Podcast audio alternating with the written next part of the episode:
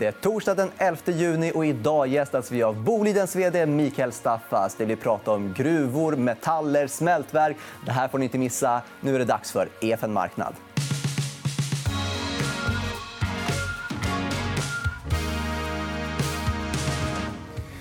Ja, och då har jag fått äran att välkomna Mikael Staffas, vd för Boliden. Mikael, nu har ni haft en, eh, vi har haft en turbulent värld. och Man pratar om att gruvor är cykliska eh, grejer. så att Det borde vara känsligt. Men hur känns det nu? då? Det känns ju bra. naturligtvis. Det är klart att man behöver metaller i alla lägen. Sen är vi en cyklisk bransch, men vi kanske är mindre cykliska än vad många tror. Eh, om man tittar på den totala inverkan under den här coronaperioden så stämmer det att basmetallpriserna har gått ner. De har gått ner en, en hel del. Men samtidigt har de här så kallade smältlönerna som vi använder i våra smältverk har gått upp. Och så har ädelmetallpriserna, guld och silver, gått upp. Så den totala blandningen för Boliden är mer stabil än många tror. Och det här är rätt intressant. Ni har ju, förutom gruvnäringen så har ni också faktiskt en, eh, era egna smältverk. Eh, vad ger det för fördelar och finns det några nackdelar med att ha liksom, hela den här verksamheten? Vi ser ju inga stora nackdelar. Vi tycker väldigt mycket om den, den affärsmodell vi har. Och det är viktigt att påverka. Vi har gruvor och det gruvor är kanske två tredjedelar av vårt börsvärde. Men vi har smältverken, det är en tredjedel, ett viktigt ben att stå på. Det, det som har skett nu då, under den här perioden är att gruvorna har haft lite jobbigare villkor. Men samtidigt har smältverken haft lite bättre villkor. Och det är inte helt ovanligt att de där går lite mot varandra. Eh, och sen har vi den här biten vi pratar om. Vi har både basmetaller, som är vår stora bit, men vi har även ädelmetaller. Och de tenderar också att gå mot varandra. Så den här, det vi har sett här den senaste månaden är inte unikt att eh, det är betydligt mer stabilt för Boliden än för många andra i branschen. Och om vi blickar framåt, eh, säg om eh, fem år. Vad ser du att Boliden kommer stå? Kommer, kommer Boliden kännas igen som det ser ut idag? Eller kommer det vara ett helt nytt bolag? Eller hur, hur ser du på framtiden? Vi kommer definitivt att kännas igen. Vi ska komma ihåg att vi är en industri som har otroligt långa investeringscykler. Eh, så fem år för oss är ju ingen tid alls. Utan det är klart att vi ungefär kommer att se ut som vi gör idag. Sen kommer vi säkert att förändras. Vi kommer säkert ha eh, ännu mer fokus än vad vi har idag på hållbarhet. Vi har ett väldigt starkt fokus redan som det. Vi kommer att ha ett, eh, kanske någon, någon form av expansion någonstans eh, och så vidare. Men i grund och botten är det samma företag. Och då kommer jag till en följdfråga kring... Ser du framför dig att ni kommer Letar ni förvärv eller känner ni er trygga med där ni är? Eller tänker ni på utbyggnaden av nuvarande gruvor? Eh, vi är väldigt trygga där vi är till att börja med. Vi gillar ju den vi har. Eh, sen så är ju det vi siktar på härnäst är naturligtvis att kunna bygga ut den befintliga verksamheten. Det är där man kan tjäna bra med pengar och man hittar på bra expansionsmöjligheter i befintlig verksamhet. Och vi har redan talat om för marknaden att vi har vissa potentiella projekt, bland annat på Irland, som är intressanta och som kan komma eh, att komma igång. Kanske inte inom fem år, men inom tio år. Det är också väldigt kort tid i den här branschen. Och sen tittar vi alltid på eventuella förvärv. Vi har ju gjort två förvärv de senaste eh, fem, sex åren i Finland. och Det tittar vi väl alltid på. Men det är mycket som ska vara rätt innan vi kommer att köpa någonting. Så man kan säga att det är förvärv då är ni extra noga på att eh, det är inget ni gör i ett nafs, utan det tar tid? Nej, det tar tid. Eh, man ska komma ihåg att i den här branschen generellt sett så är, om man vill förstöra värde så är det enklast att köpa någonting alldeles för dyrt.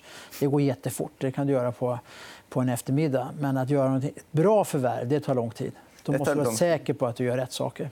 Ska vi ta och hugga in i tittarfrågor? För det... Jag berättade att jag skulle träffa dig igår och då faller det in en hel del tittarfrågor.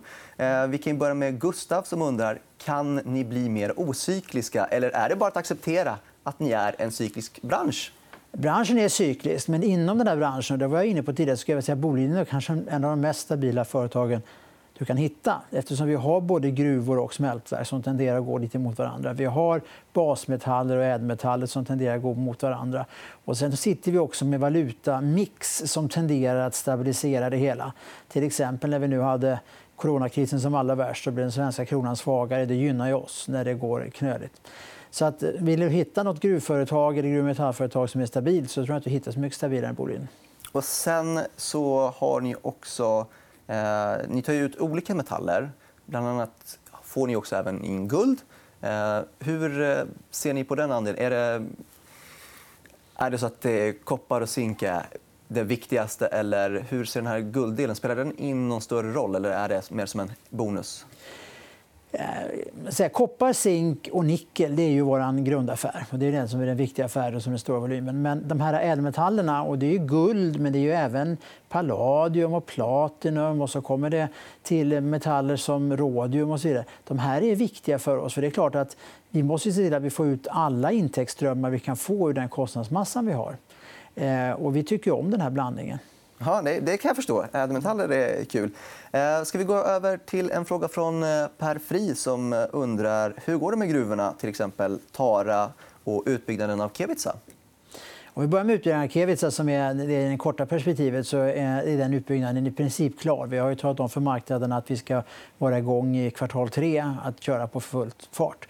Och vi har ju byggt en ny kvarnkrets in i anrikningsverket där och det ser rätt bra ut. Sen så, ni som har läst på i närtid vet vi att vi fick en brand i krossen i eh, Kevitsa här för två veckor sedan. Det var inte helt idealt, men vi jobbar runt den och på två, tre, tre månader ska vi vara igång med det här. Alltså någon gång under kvartal tre så är den expansionen eh, på plats och rullar på. Så den är enkel att prata om. Vad det gäller Tara så är det en, expansion som är, ligger längre fram i tiden. Eh, den befintliga Taragruvan räcker ungefär till 2028, åtta år till.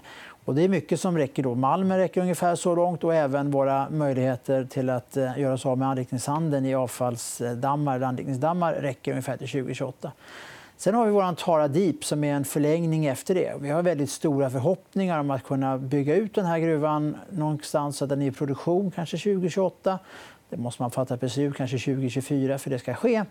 Och då ska vi baserat på det kunna producera kanske, det vet vi inte, förhoppningsvis 15-20 år till i Tara.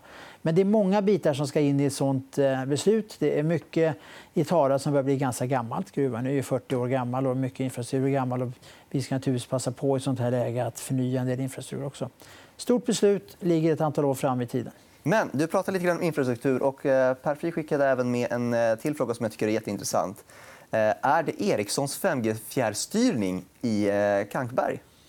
Nej, alltså så här är det. Att Ericsson har varit i Kankbergsgruvan och använt 5G-system eh, i där och testat ut det hela och säkerställa hur man får täckning runt hörn och sånt där. Enligt principen att om du får det att fungera i en gruva så ska det fungera inne i Stockholm också när man ska få täckning runt hörn och så vidare.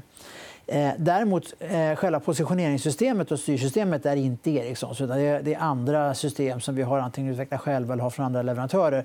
Men Ericsson har stått för, under den här testperioden för, för basen, för eh, 5, g täckningen Jag har ju träffat er Boliden lite då och då genom åren. Och för några år sedan så var jag på någon digital mässa där ni pratade om att det här med 5G-styrning jobbar ni med jättemycket. Att kunna jobba på distans i gruvorna. Hur går det med det arbetet? Ja, jag vet inte om jag sätter 5G på det, men vi jobbar redan eh, på avstånd. Det vill säga, vi har fjärrstyrning av eh, utav våra maskiner, kanske inte över 5G-lösningar utan över andra former av eh, elektroniska lösningar. Och det där jobbar vi med och det är en, det är en viktig bit. Sen, sen är det, det är alltid lite knepigt där, för man kan göra vissa moment eh, fjärrmässigt. Man behöver nog antagligen besöka den här maskinen en gång per skift i alla fall. Så det är inte så enkelt som man kan säga att man bara sätter sig på ytan och så sköter sig allting där nere. Utan det är rätt mycket arbetstid som fortfarande måste ske nere i en gruva. Men vi jobbar med det här för att hitta den balansen som är mest eh, ekonomiskt fördelaktig för oss och som också får en massa andra plus på sidan om som har att göra med arbetsmiljö och så vidare. Mycket intressant. Eh, ska vi gå vidare med en annan tittarfråga. Kapitalistisk klimataktivist som undrar hur arbetar ni med hållbarhet?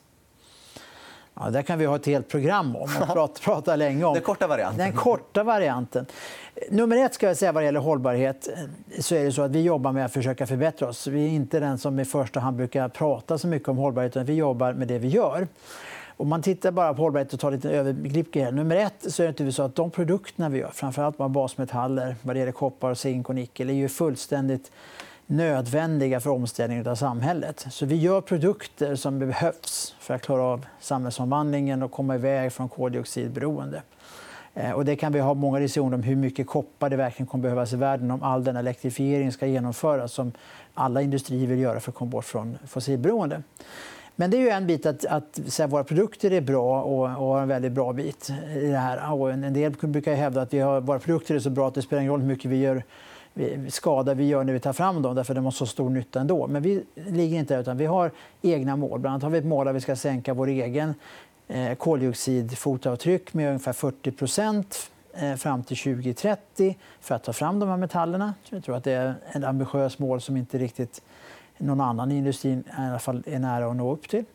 Och det är ändå från en nivå som är väldigt bra. Och finns det några kostnadssynergier om ni ska nå de målen? Eller är det här kostnader? Det är blandat i det där. Det finns vissa saker som är kostnader men det finns också eh, vissa saker som är besparingar. Jag kan ge några exempel. Mm. Vi eh, håller på att eh, sätta in såna här trolleysystem. Det är som, som spårvagnar som tar, där våra truckar tar ström från trådar som går upp i luften Eh, för att minska vår egen dieselförbrukning och därmed minska vår egen koldioxidutsläpp. Eh, det där finns det ekonomi El är billigare än diesel också, så att det där kan vi nog räkna hem ekonomiskt.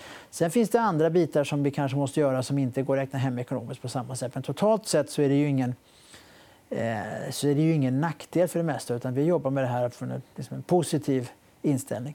Sen kan vi säga, nu har vi pratat väldigt mycket om koldioxid och klimat. och Det är ju bara en del av hållbarhet. Det finns ju många andra aspekter av hållbarhet förutom det här.